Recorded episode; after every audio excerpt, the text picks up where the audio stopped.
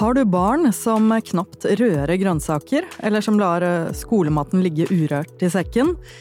Det finnes det kanskje en grunn til, og en løsning på. Takk og pris. Friskere viten, en podkast fra Nyco Pluss om det du ikke allerede vet om helse og ernæring.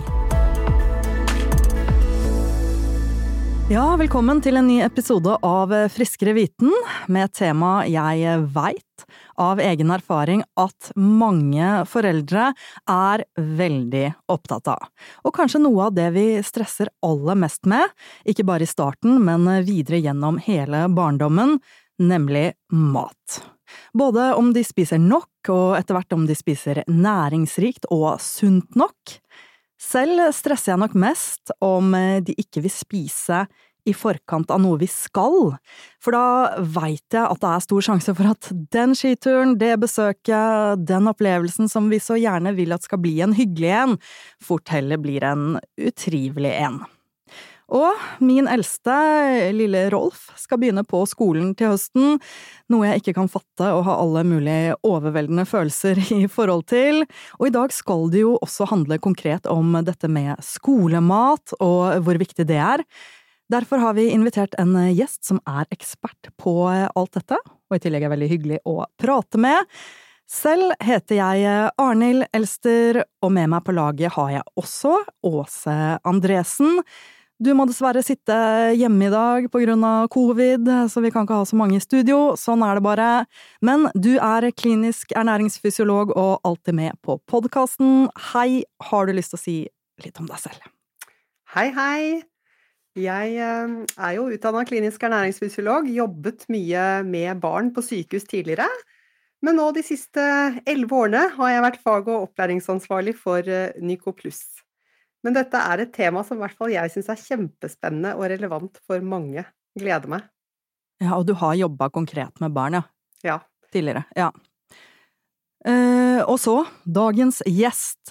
Du har mastergrad i utviklingspsykologi og har gjort doktorgrad på utviklingen av smakssansen hos barn.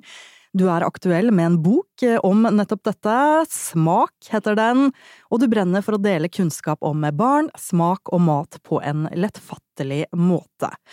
Og deg kan jeg heldigvis ha med meg her i studio, det er veldig hyggelig. Hjertelig velkommen, Frida Felicia Vennerød Disen.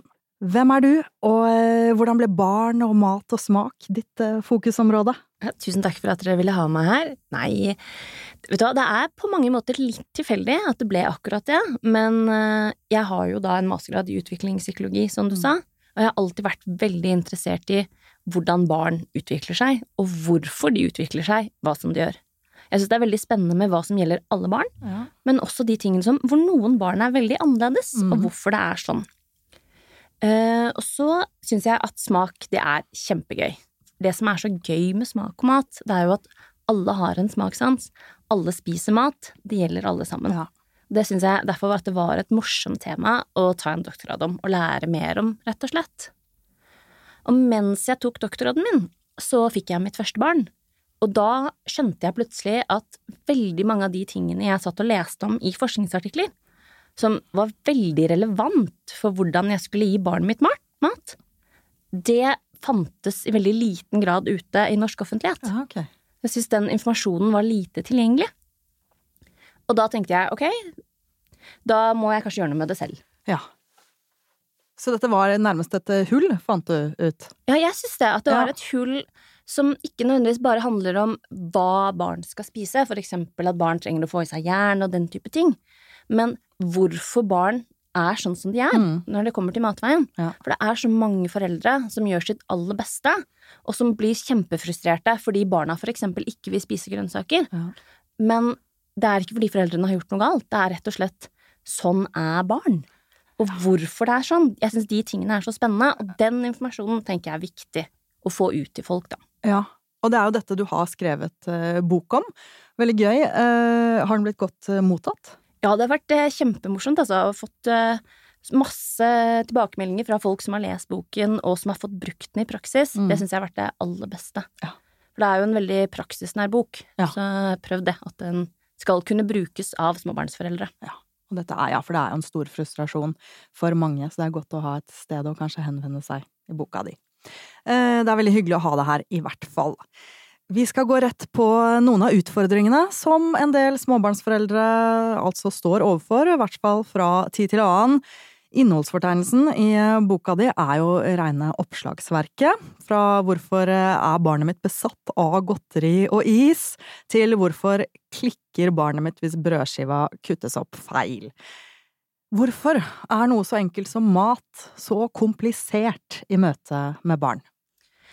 Um, det korte svaret er jo egentlig at vi er avhengig av mat for å overleve. Og derfor er det viktig at det er litt komplisert.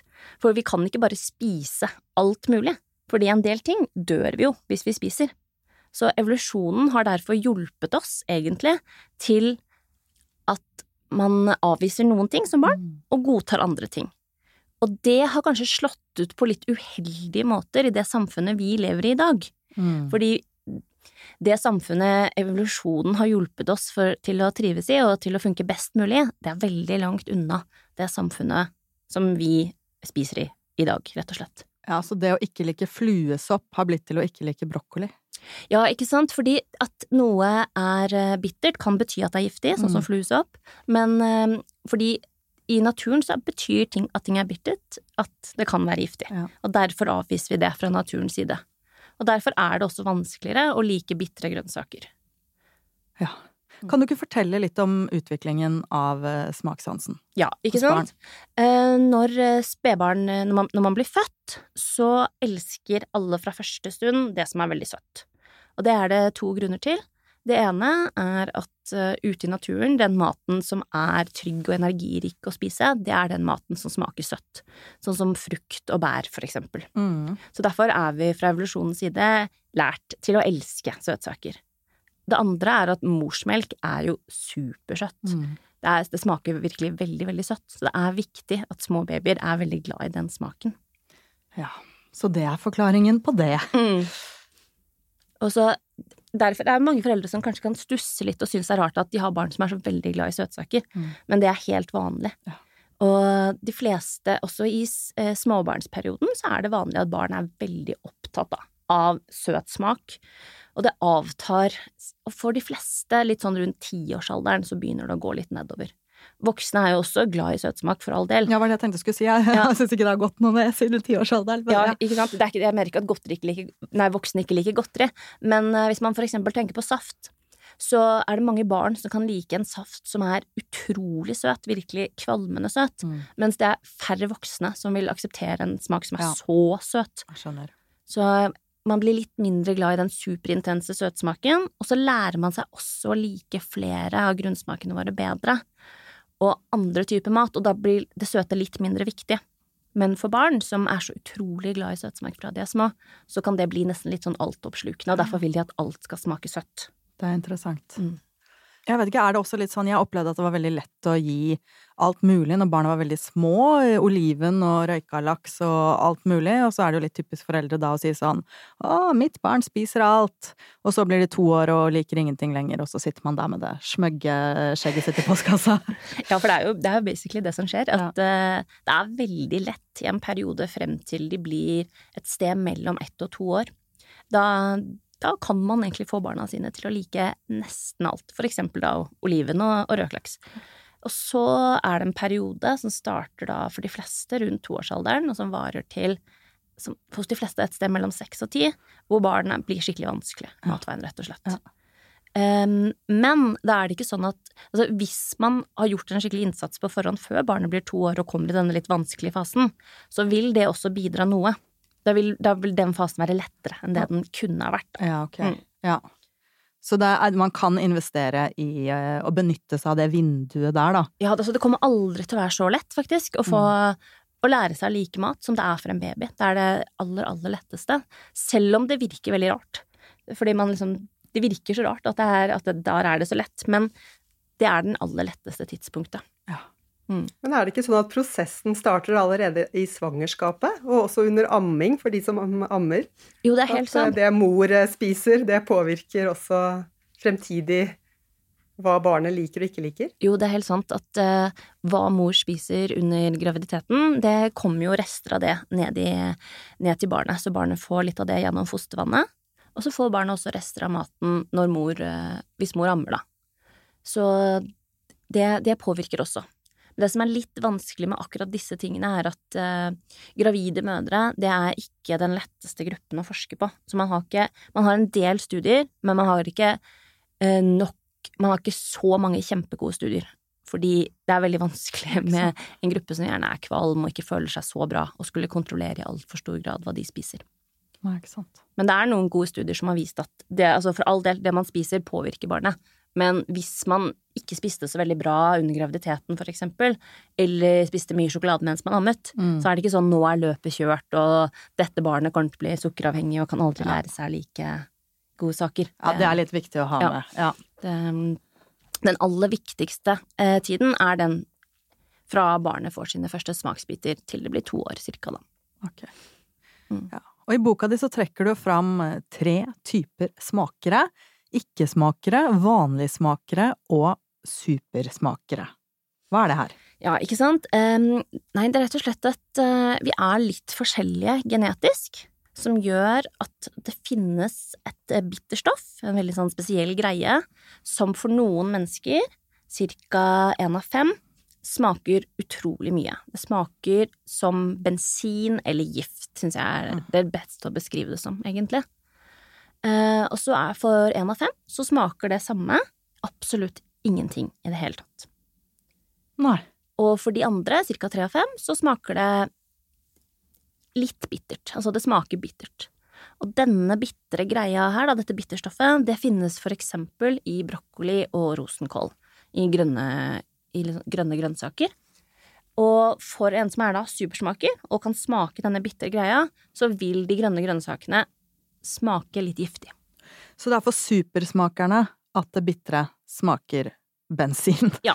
Eh, ok, fordi jeg tenkte når jeg hørte ordet supersmakere, så tenkte jeg ah, de som eh, alltid sier ja takk når man spør vil du smake ja. på dette. Ja. ja, ikke sant. Men det er jo det er mer sannsynlig at en supersmaker er kresen og sier nei takk. Og, og, spiser mer ja, tørt brød, eller er glad i yoghurt, eller brød med bare gulost. Altså ikke er glad i så intense smaker, da. Og en ikke-smaker vil eh, spise flere forskjellige ting? Ja, ikke sant. Det er, det er ja, motsatt. En er som er ikke-smaker, ja. I dagens samfunn er det det beste å være. Ja. Fordi da vil man like flere ting, og være, spise som regel mer grønnsaker, da. For de som er supersmakere, det har kjempemange studier vist at de spiser rett og slett mye mindre grønnsaker. Men det har en forklaring, da, som du sier, at man Det smaker litt annerledes. Det er ikke fordi man nødvendigvis er eh, så vrang. Nei, nei, nei, nei, det, det, handler på, det, handler på, ingen måte om å være vanskelig. Altså, ja. jeg er selv supersmaker. Og det er rett og slett at det er en utrolig sterk smak, da, mm. det, det, stoffet. Så det blir en, en, en vond opplevelse, rett og slett. Ja. Men ikke ikke hvis man har det sånn Altså hvis det er litt grann i brokkoli, for eksempel, så kan man helt fint lære seg å like brokkoli. Ja. Altså jeg spiser brokkoli kanskje flere ganger i uken selv nå. Ja. Fordi jeg har lært meg å like det. Og man kan helt fint lære seg å like det likevel. Ja, så det er noe i det. At man kan lære seg det. Absolutt. Men, men, det er vanskeligere, da. Og jo mer av det bitterstoffet det er i noe, jo vanskeligere er det. Ja, jeg skjønner. Så, ja. Hva med i gamle dager, når man hadde mindre mat, eller for mennesker i andre deler av verden der det er mindre mat eh, tilgjengelig? Spiste barna mer alltid Spiser barna mer alltid får da? Jeg har hatt venner og familie på besøk fra andre deler av verden som har reagert litt på sånn den pølsegryta som alltid er der i bursdagsselskaper, og at de voksne kanskje får noe annet, eller ja. Altså det, det, er jo vanskelig å si måte verden som en helhet ellers, da, og, men for eksempel så vet man jo at i Frankrike så er det jo mye vanligere at barn spiser det samme som foreldrene sine. Mm og ikke får egen barnemat. Eh, og da er det lettere å lære seg å like en større variasjon av mat. Ja. Eh, og vi vet jo også for eksempel at barn i andre steder i verden er mer glad i mer krydder. Det er også et godt eksempel på at man kan helt fint lære seg å like mer krydret mat. Ja. Akkurat dette med supersmaker, det er jo en genetisk greie, så der er det rett og slett man er født som. Man kan lære, likevel lære seg mm. å like å like bitre ting og like annen mat. Ja. Men det er bare litt vanskeligere. Ja, og i en tid før hvor man bare hadde én type mat, så måtte man jo på en måte lære seg det. Det var ikke noe alternativ, kanskje. Nei, ikke sant. Det, det, det, er jo litt annerledes der også hvordan, man, også hvordan vi oppfører oss overfor barna våre, og i hvilken grad vi tvinger dem til noe. Jeg tenker at i dag så ønsker jo de fleste foreldre, når de gir barna sine mat, eh, flere ting. Man ønsker jo at de skal spise opp den maten, men man ønsker jo også kanskje at måltidet skal være en hyggelig ting man gjør sammen. absolutt, Ikke at barna skal sitte der og være stille og lide under måltidet, Ja, på en ja, måte. ja. Og at de skal få et godt forhold til mat på lang sikt, Ja. tror jeg mange foreldre også tenker på. At de skal kanskje lære seg å like grønnsaker og lære seg å like frukt. Ja. Og det, da må man kanskje behandle barna litt annerledes, da. ja. Mm. Så tenker jeg at det er, vel, det er vel viktig at foreldrene også er et godt forbilde. At de er flinke til å spise eksempel brokkoli Ja, absolutt. og andre frukt og grønt og annen sunn mat. Ja, absolutt. Det er det jo også veldig mye som sånn, Du har helt rett i det. Det er masse studier som viser det også, at uh, det hjelper ikke noe å sette de grønnsakene der og si at barna må spise det, hvis man ikke vil spise det selv. Det, man må være, være et forbilde og vise at det er trygt å spise. Og bokstavelig talt også, for den der vanskelige fasen som barn kommer i, hvor de er mellom ca. to og ti år og ikke vil spise ting, det som man på fagspråket kaller for neofobi, som betyr å avvise ny mat. Eh, Det kommer man ut av etter hvert, men det går også raskere hvis man ser at foreldrene spiser noe. For da er foreldrene nesten en slags munnskjenk. Man ser at foreldrene spiser noe, og de overlever. Så skjønner barna at ok, det er trygt å spise det. Mm. det så det kan hjelpe også. Men så det var veldig interessant det her med at uh, maten faktisk smaker og oppleves forskjellig for uh, forskjellige mennesker. Åse, hvor er du på smaksspekteret? Liker du eh, snegler og østers og smalahove? Nei, du er vegetarianer, du slipper så lett unna. Ja, det stemmer, men det er, det er morsomt at, eh, at Frida trekker fram brokkoli og rosenkål. Jeg har tatt en sånn gentest, jeg, og sendt eh, spyttet mitt til USA. Og der fikk jeg eh, beskjed om at jeg sannsynligvis ikke klarer å, å smake bittert. Og jeg elsker jo rosenkål og brokkoli. Så det stemte i hvert fall på det området. Jeg fikk også beskjed om at jeg ikke syns Sannsynligheten, da, dette er jo sannsynlighet, at jeg ikke synes koriander smaker såpe. For det også har jeg skjønt at noen Mm. Hæ? Gjør. Og det, og det stemmer også. Sånn at det er litt morsomt, syns jeg. Men selv om uh, disse prøvene ikke er 100 uh, foreløpig i hvert fall, så er det litt, eh, litt morsomt, syns jeg, da, å få, få disse tilbakemeldingene. Eh, en annen litt sånn, eh, kanskje litt på siden, for det går vel mer på, på lukt enn smak, men det er asparges. Mange kan jo lukte det på urinen etter at man har eh, spist Mm. aspargus. Eh, Det klarer ikke jeg. Så det også er sånn genetisk greie, da. Så det syns jeg er litt sånn spennende. Jo, men det, jeg synes det er veldig kult det du snakker om der, fordi det er jo Ja. Alt det du snakker om, er jo egentlig det hvor vi er genetisk forskjellige, og det gjør at man får en helt forskjellig smaksopplevelse, da. Og det tror jeg også det er viktig å tenke på når man sitter og spiser sammen med barna sine, at maten kan oppleves helt annerledes for barnet ditt enn det gjør for deg. Fordi sånn som du sier, at det kanskje, ja, du smaker ikke det bitre i brokkoli og rosenkål, og asparges lukter ikke den rare lukten for deg. Og sånn er det jo med andre ting også. For eksempel så finnes det en, en eh, lukt fra, fra råne, altså en type gris. Eh, ukastrerte hanngriser er det vel. Som lukter veldig kraftig for noen, og som for andre lukter ingenting. Og da kan de i større grad kanskje avvise svinekjøtt. Hmm. Så det er, det er veldig interessant, da, det der med at vi er forskjellige, og det gjør at maten smaker rett og slett ikke helt likt for oss. Absolutt. Er, men er Åse da en eh, ikke-smaker, hun da? Ja, det er mulig, mulig at Åse er en ikke-smaker. Ja. Men så er jo det som er komplisert, er jo at man kan jo være en ikke-smaker, men ha veldig god luktsans. Og veldig mye av smaksopplevelsen er jo lukt. Mm. Og så kan man også være en ikke-smaker, men for eksempel være veldig følsom for eh, sur smak. Så man derfor ikke takler så veldig syrlige smaker. Så dette her kan settes sammen på veldig mange forskjellige måter, da, som gjør at ting blir litt forskjellig, rett og slett. Og dette med å foretrekke salt framfor kjøtt også. Det, det å komme opp i denne rapporten min, og det stemmer helt. Jeg, jeg er mer sånn at jeg liker salte snacks, for eksempel, istedenfor uh, søte Ja, den evige debatten om Så- potetgull eller sjokolade på lørdagen. Ja. Mm. Genetisk. Jeg prøver å, I hvert fall til dels. Ja, jeg prøver å tenke på hvor Mm. jeg selv er på denne skalaen, um, men jeg klarer ikke helt å tenke det ut. Jeg er i hvert fall sånn som syns eh, det kan være litt sånn skummelt med ny og litt sånn ekkel mat. Um, jeg lærte meg å like østers da jeg bodde i London, og det var noe man kunne bestille for sånn ett pund per stykk på en del eh, puber, og ikke var sånn spesielt fancy. Husker du det også, som også jeg bodd i London? Ja, stemmer. Ja, og det, det der ville jeg liksom være med på, og da lærte jeg meg etter hvert å like det, og nå syns jeg det er kjempegodt. Men blåskjell, for eksempel, som jeg også syns ser så innmari koselig ut på lyse sommerkvelder, det har jeg bare gitt litt opp på. Jeg syns jeg bare er ekkel sånn muskel, og det Mm. knaser i sand og Ja, for det du snakket om der er jo også kjempeviktig, og det er at eh, mat handler jo ikke bare om smaken. Nei, det handler i veldig stor grad om tekstur og konsistens også. Ja. Og der er slett, der er vi ganske forskjellige på hva vi aksepterer. Noen for eksempel takler jo ikke å spise banan engang, fordi banan har jo også en ganske rar konsistens, egentlig. Hvis du tenker på det, så er den ganske myk, og spesielt en ganske moden banan kan være litt sånn, ja, nesten, nesten litt sånn østersaktig, altså sånn Ja. litt slimte. Men eh, i Norge Men man er jo mer vant til banan. Det er det. Annet. Så, ja. vi er så utrolig vant Ja. til å spise banan, Når vi spiser banan fra vi er bitte små. Vi lærer oss veldig at den er trygg, og hvordan bananen kan variere i om den er innafor å spise eller Ja, ikke. ja. Mens eh, på en del andre ting så lærer vi oss kanskje aldri helt å spise det, da. Mens for eksempel gelé, da, som jo også er en utrolig eh, Altså, det er jo en rar konsistens. ja, det er lov å si ekkel Ja, også her. Ja, ja. da, om Må det være innafor å si. Men likevel, det liker jo alle barn, og det er jo fordi den har en fin farge, ser trygg ut og smaker bare søtt. Ja. Så man liksom skjønner veldig fort at det her er en greie som er innafor. Mens aspik, som jo egentlig er den samme greia, det er jo laget av gelatin, det også, det er det ikke Det har på en måte utgått fra de flestes kosthold, og jeg er helt sikker på at hvis jeg hadde servert det til et barneselskap, da, eh, det til forrett og så gelé til dessert, Mm. så hadde geleen blitt spist, men det hadde ikke denne aspikken. Nei. Eh, Fordi det handler også om hva vi venner oss til. Ja. Og ja.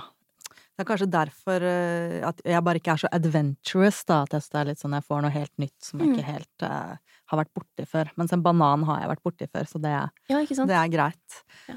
Um, Åse, er det noe mat fra et mer klinisk perspektiv som er eh, ekstra fordelaktig å prøve å få i barn i barnehage og skolealder? Eh, hvilke kamper er det på en måte mest vits i å ta? Nei, det er et godt spørsmål.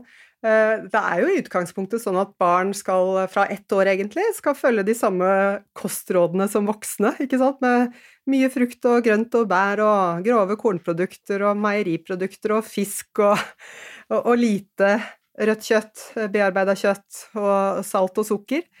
Så fra ettårsalderen så er det jo egentlig anbefalt eh, at eh, selv om porsjonene er litt mindre, så skal eh, barna kunne spise det samme som foreldrene. Så jeg er litt tilbake til det at det er kjempeviktig at foreldrene er et godt forbilde. Fordi vi vet fra disse kostholdsundersøkelsene at bare én av fire greier å følge de kostrådene av, den voksne befolkningen. Og da er det ikke så rart at de kostholdsundersøkelsene på barn er like dårlige. Ikke sant? Hvis ikke Nei. foreldrene greier det, så, har, eh, så kan vi ikke forvente at barna skal greie det. Så begynn med foreldrene, tenker jeg. um, Ja. Eller begynne med seg selv, da, som foreldre. Det er et godt utgangspunkt. Det syns jeg var et veldig fint, uh, fint tips.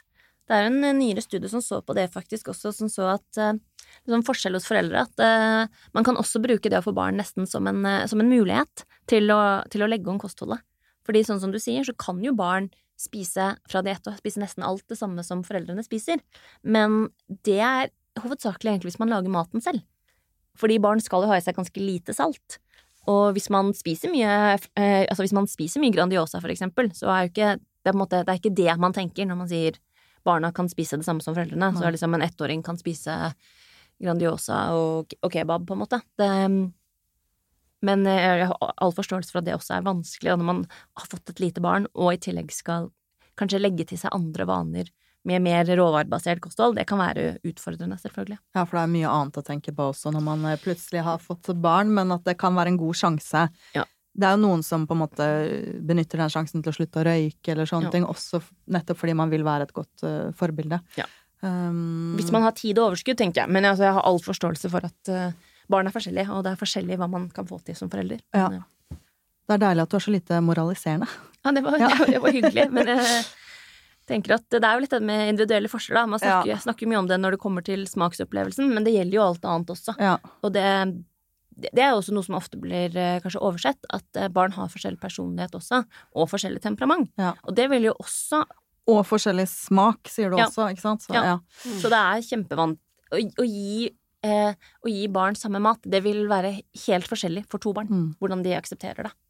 Men Åse, du nevner hele spekteret, alle kostrådene eh, er det viktig å få i barn. Men jeg hadde litt lyst til å også spørre hvilke kamper er det mindre nødvendig å ta hvis man må velge? Er det noen som tør å svare på det?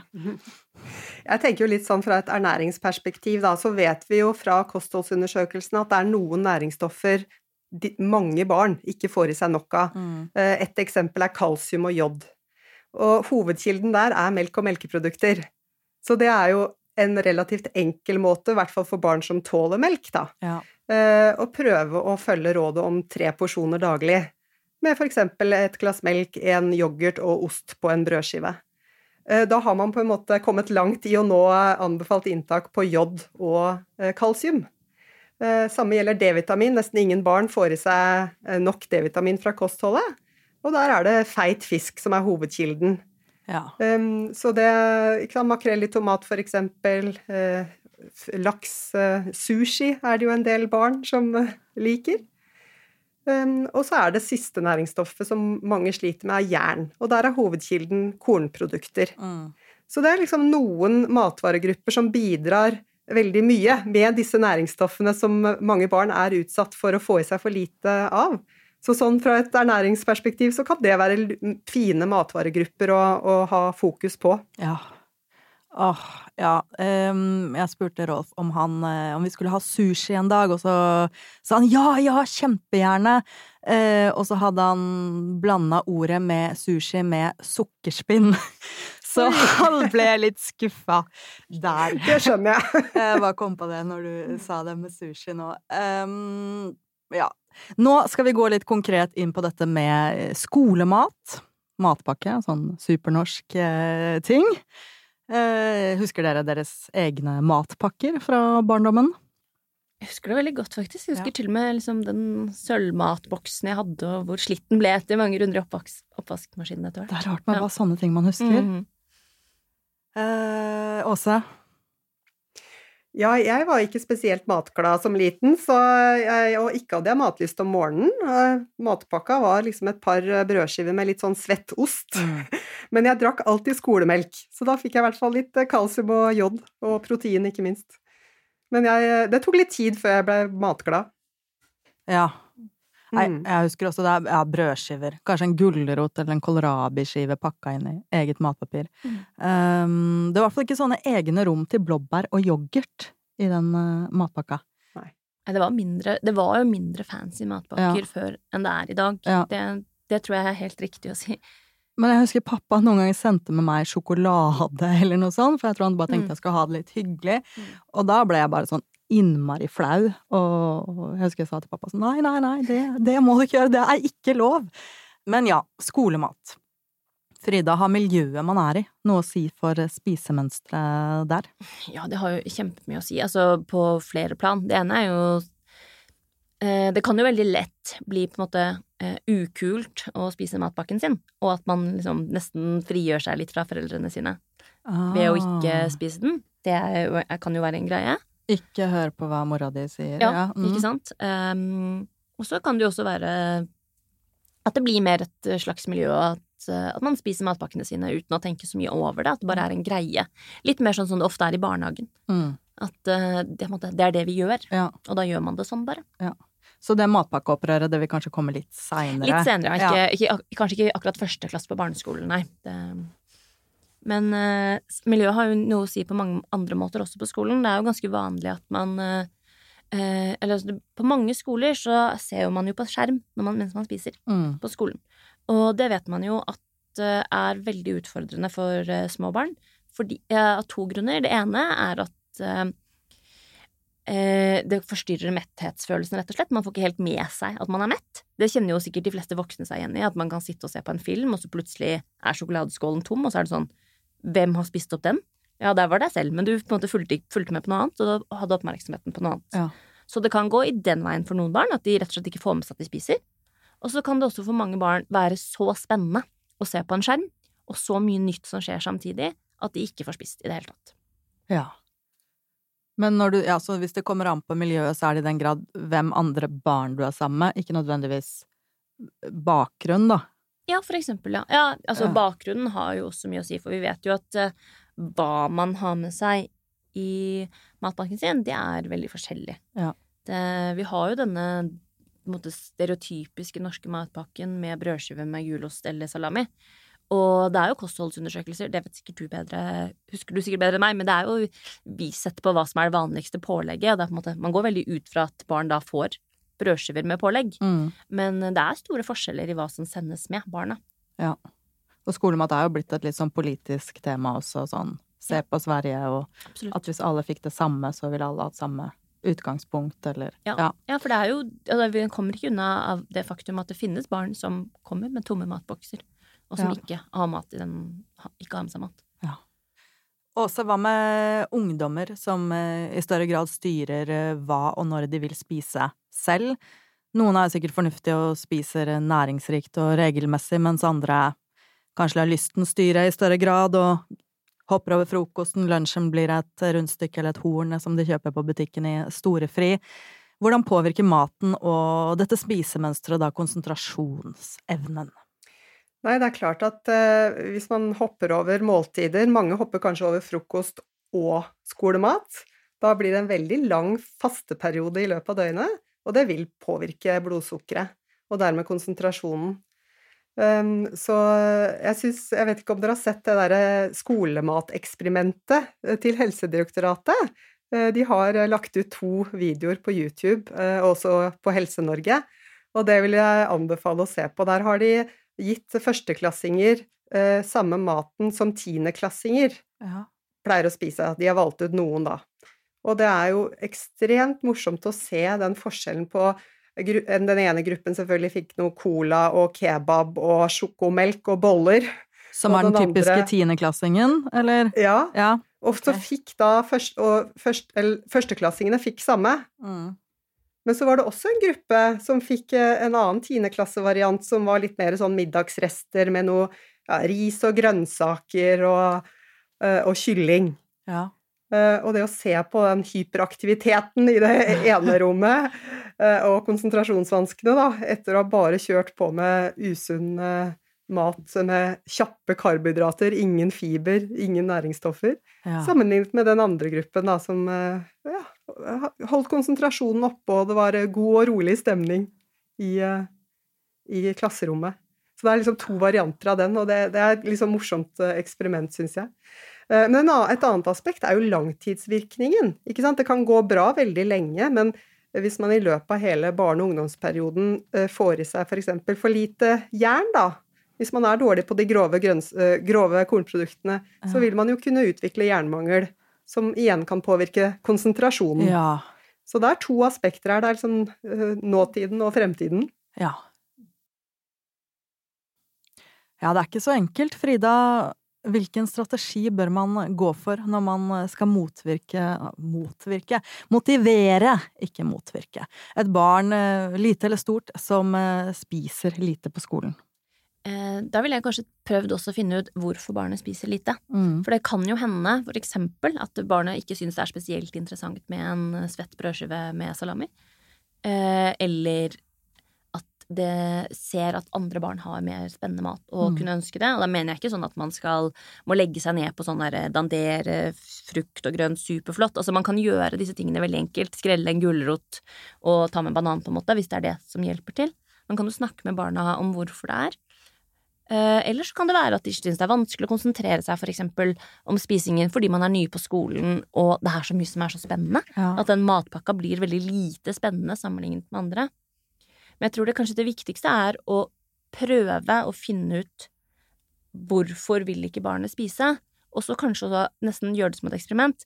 Tenke hva liker barnet ditt virkelig å spise, hvis man vet det. Mm. Eh, For eksempel bananpannekaker. Det er jo noe som har i seg har både banan, egg og grove kornprodukter.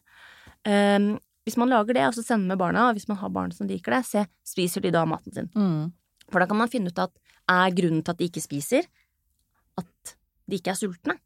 At de ikke klarer å konsentrere seg, eller på en måte en annen ting? Eller er det matlysten til det akkurat den maten det er noe i veien med?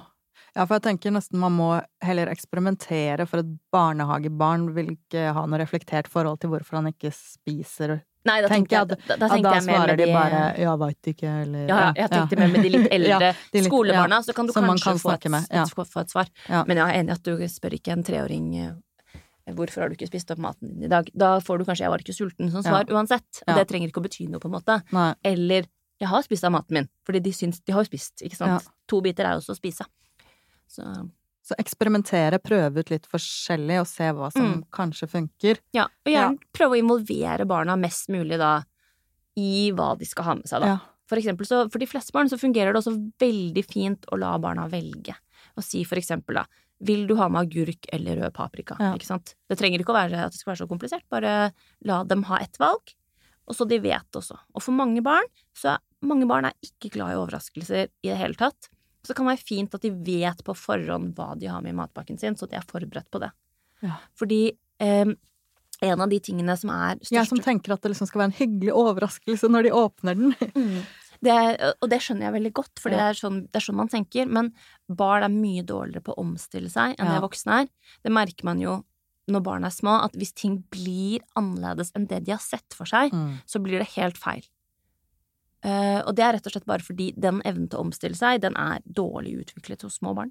Og så hvis de kanskje har sett for seg at nå skulle det være en yoghurt i Ja, matpakken, og så var det ikke noe yoghurt i matpakken, og de kanskje har sett, og bestevennen sitter der med en yoghurt, og det fikk man ikke selv, så kan det være helt knusende, og da har de ikke lyst til å spise. Ja. Så det kan være mange ting av den typen. Så derfor Så istedenfor å tenke at eh, å, nå skal han bli glad og overraska for at han får yoghurt i dag, så er det ja, får det motsatt effekt ved at han heller blir skuffa de dagene det ikke er. ja, for Litt motsatt av oss, kanskje. ja, for de fleste barn Ja. vil det nok være sånn. Ja. Men selvfølgelig så er det nok noen barn også som kan motiveres av en overraskelse og synes det er gøy, altså.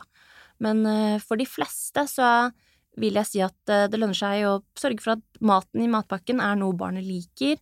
Prøve å involvere barna i valgene om hva som skal være i matpakken. Trenger ikke hver dag, liksom, men bare for å få litt oversikt, da. Hva vil de egentlig ha i den matpakken? Ja.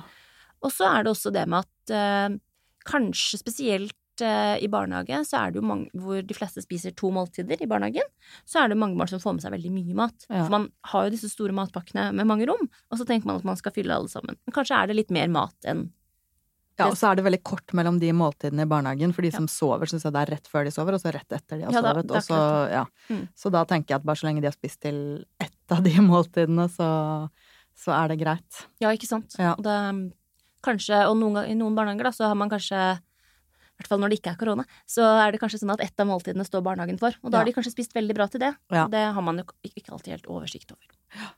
Men videre, Frida, du skriver um, også i boka di at så mye som en femtedel av høyden vår bestemmes av det vi spiser og oppvekstvilkårene våre, og resten av gener. Dette ble jeg veldig overraska over. Jeg er jo litt eh, kort selv. Eh, så det er på en måte sant, da, når vi sier til barna våre at du må spise opp for å bli stor og sterk. Ja, så eh, til en viss grad er jo, det, er jo det sant, ja. Og det er jo derfor vi er mye høyere nå i dag enn vi var for 100 år siden, generelt.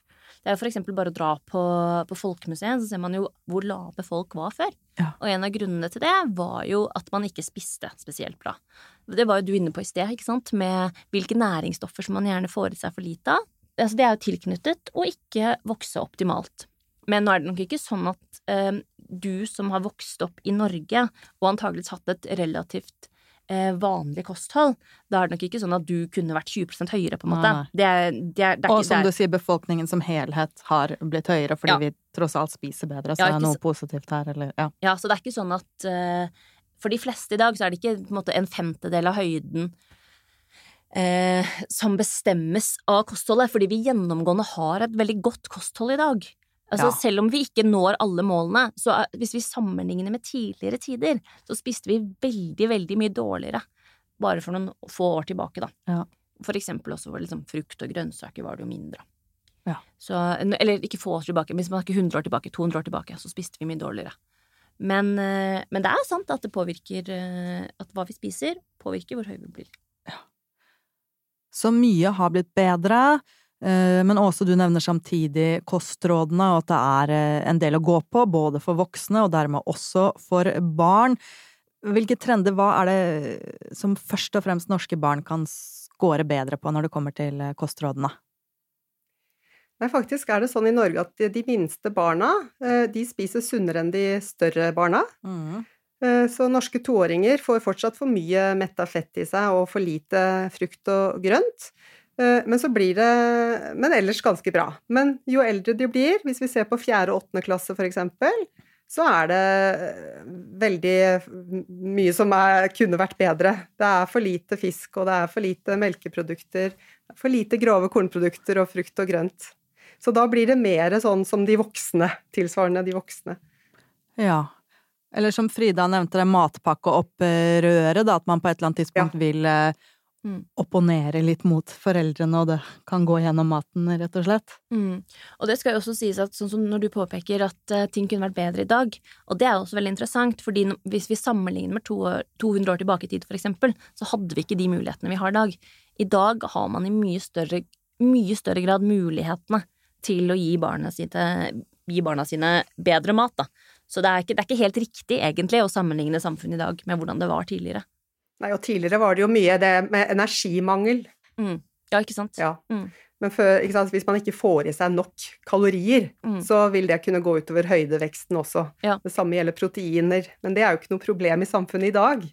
Men, er, men, mangel på mikronæringsstoffer, mm. det er eh, fortsatt eh, en utfordring. Um, I alle aldre, egentlig. Ja. Og det kan gå utover vekst. Mm. For som du sier, vi har mye god mat tilgjengelig nå, som man kanskje ikke hadde tidligere, men vi har jo også mye dårlig mat mye lettere tilgjengelig. Ja, det er det som er Så vanskelig. det går litt hånd i hånd. Ja, det er det som er vanskelig i dag, at vi er ikke laget Vi som art er ikke laget for å ha mat tilgjengelig på den måten som vi, som vi har i dag. Mm. Derfor er vi som art laget etter å være interessert i søtt og fett og salt. Fordi det er viktige ting. Når, er, når, når, mat er begrenset, så er det viktig at man får i seg mest mulig på kort tid. Og sånn er det jo på ingen måte i dag. At her gjelder det liksom å spise Smash, på en måte. Det, det er ikke, ikke det er ikke, ja, så det er, samfunnet har jo endret seg, rett og slett. At, ja. uh, nå er det heller for mye tilgjengelig enn for lite, sånn som det tidligere har vært. Uh, så hvordan bør foreldre da tenke rundt dette på best mulig måte for å være smarte rundt matvalg, men eh, unngå å stresse enda mer? Eh, nei, altså da tenker jeg jo eh, kanskje litt tilbake til det du sa i sted, som var sånn hvilke kamper trenger man ikke å ta? Eh, og da tenker jeg at hvis man for eksempel har et barn som spiser en god variasjon av grønnsaker, men ikke liker en spesifikk grønnsak, mm. for eksempel, så trenger man ikke ta den kampen. Nei.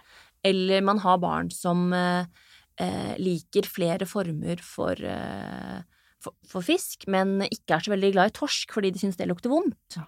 Da trenger man kanskje heller ikke å ta den Da kan man legge det litt til side, da. At man kan prøve å heller bygge opp rundt de tingene barna liker, mm. og som er lettere for dem å like. Ja. Og det samme gjelder jo kanskje også at hvis man har et barn som er litt kresent og ikke liker så mange ting, prøv da å tenke på hva som ligner hvis man skal utfordre dem.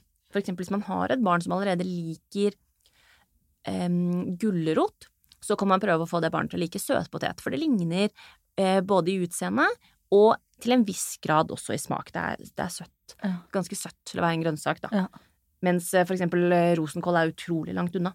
Så utvide litt sånn step by step. Ja. Ikke liksom tro at dette skal gjøres på én, to, tre. Og også det aller, aller viktigste, tenker jeg, er å senke skuldrene og tenke at eh, man skal legge grunnlaget for et langt liv med matvaner og barn som forhåpentligvis skal bli glade i mat og få et fint forhold til mat. Ja, og prøve derfor å ikke bruke, i hvert fall ikke bruke tvang, ikke prøve å kjefte, og ikke prøve til å liksom gjøre det til et stort problem. Eh, fordi selv om det kan oppleves som et problem der og da for foreldrene, så prøv å ikke si det for mye til barna, så det oppleves for dem som om de er vanskelige og en stor frustrasjon. Mm. Rett og slett eh, sørge for at barna kanskje heller får et, eh, får et bedre forhold til mat, da. Og alle kamper er man ikke nødt til å ta, rett og slett. Nei. Så da peker du litt på hva man bør unngå. Er det noen andre feller som det er vanlig for oss foreldre å gå i, som vi kan være klar over? Ja, så jeg snakker jo nesten Jeg føler at jeg snakker alltid om akkurat én felle, men det er fordi den er så utrolig vanlig å gå i. Og det er å si eh, Hvis du spiser opp eh, grønnsakene dine, så får du dessert. Eh, og det gjør nesten alle foreldre i en eller annen variant. Ja. Eh, fordi man vil at de skal spise, og man vil gjerne at det skal være hyggelig. ikke sant? Så Mm. føler man at dette her gjør at man får til begge deler. Ja. Men det man egentlig sier når man sier det, er eh, disse grønnsakene de er så vonde at du må bestikke dem med noe for at du skal spise dem. Så ille er det egentlig å spise disse grønnsakene. Ja. Og denne desserten, den er ikke bare god og søt i seg selv, og vi vet at du liker den, den er, den er så fin at det er en belønning du Ja. får for å gjøre noe annet. Og så skaper det også et forhold til mat, da, hvor noe mat er belønning, og noe mat egentlig er en straff som du må spises. Som du på en måte skal tvinges til å spise. Hva med å si sånn derre Kom igjen, fem biter til. Er det greit? Altså, det, det, det, det er veldig vanskelig å si, eh, si ja eller nei til det, tenker Ja. jeg. Fordi det, barn har eh, er født med en veldig god eh, evne til å regulere mat og vite om de er sultne eller ikke. Så jeg tenker at det spørs litt. Kanskje sånn eh, sitter man der på, i en spesiell situasjon hvor barn har lyst til å gå fra bordet fordi de har lyst til å leke, for Ja, det, det er det jeg tenkte på. Ja, ikke At man er ivrig på Ja. ja. til å gå videre, og så sier du sånn ja, prøv å se. Men hvis barnet sier nei, jeg orker ikke mer, så må man faktisk Ja. akseptere det og ta Ja. det på alvor. Ja. Men det er, jeg, syns, at det må være lov å si på en måte sånn kom igjen, orker du noen biter til? Hvis man sier det på en grei måte, syns jeg det, da Ja. er det innafor. At det er mer innafor enn å friste med dessert. Ja. Eller og, som belønning. Ja. Men det er, det er ikke noe galt heller, på en måte, å- ja, dessert er en greie, men også på en måte ikke prøve å bygge opp desserten til dette liksom fantastiske, og gjøre det enda mer fantastisk, da. Jeg skjønner. Men uh, vi må begynne å runde av. Jeg føler vi kunne snakka videre om dette til uh, evig tid. Um, men til slutt, hvis dere skal gi ett råd til foreldre som vil påvirke barnas kostholdsvaner på en positiv måte, eh, hva skulle det vært? Du har gitt mange råd, Frida, og du også, men hvis vi prøver å avslutte med ett eh, siste råd hver. Da ville jeg sagt prøv å gjøre det morsomt og hyggelig. Mm. Eh, Det er, den, det er den letteste måten å få barn til å like noe. At det er gøy og hyggelig, og at man gjør det sammen. Og jeg sier vær et godt forbilde selv. Ja. Vi, eh, som du sier, vi hjemme hos oss har kjørt fokus på det å ha det hyggelig ved bordet som pri én. At vi møtes som familie og sitter sammen ved bordet, og at det skal være fint. Prøver å mase mindre om maten. Jeg syns det har funka fint. Av og til så spiser de masse, av og til ingenting. Men eh, stort sett, eh, selvfølgelig med unntak, så har vi det ganske hyggelig ved bordet, og barna kommer og setter seg, og så håper jeg at det med spisinga kommer eh, mer og mer, det har vi til en viss grad sett at det gjør, men at det uansett skal være noe hyggelig ved å møtes til middag, at det må ligge i bånn. Mm. Måltid er mer enn mat. Ja. Mm. Det har vi sagt mange ganger her, og det er viktig å understreke. Um, ja, men da har vi vært innom en god del ting. Jeg håper du som hører på har fått noe ut av eh, denne episoden. Tusen takk for at du kom til Friskere viten, Frida Felicia Vennerød Disen. Du kom på andreplass i eh, formidlingskonkurransen Forsker Grand Prix i eh, 2018. Det er jeg ikke overraska over etter å ha hørt deg prate her sammen med oss i dag. Takk også til deg, kjære Åse. Hvis eh, du vil vite mer om kosthold og ernæring for barn, så må du sjekke ut eh, Fridas bok Smak. Og hør også gjerne podkastepisoden vår som heter Hva trenger barn som er i vekst og utvikling?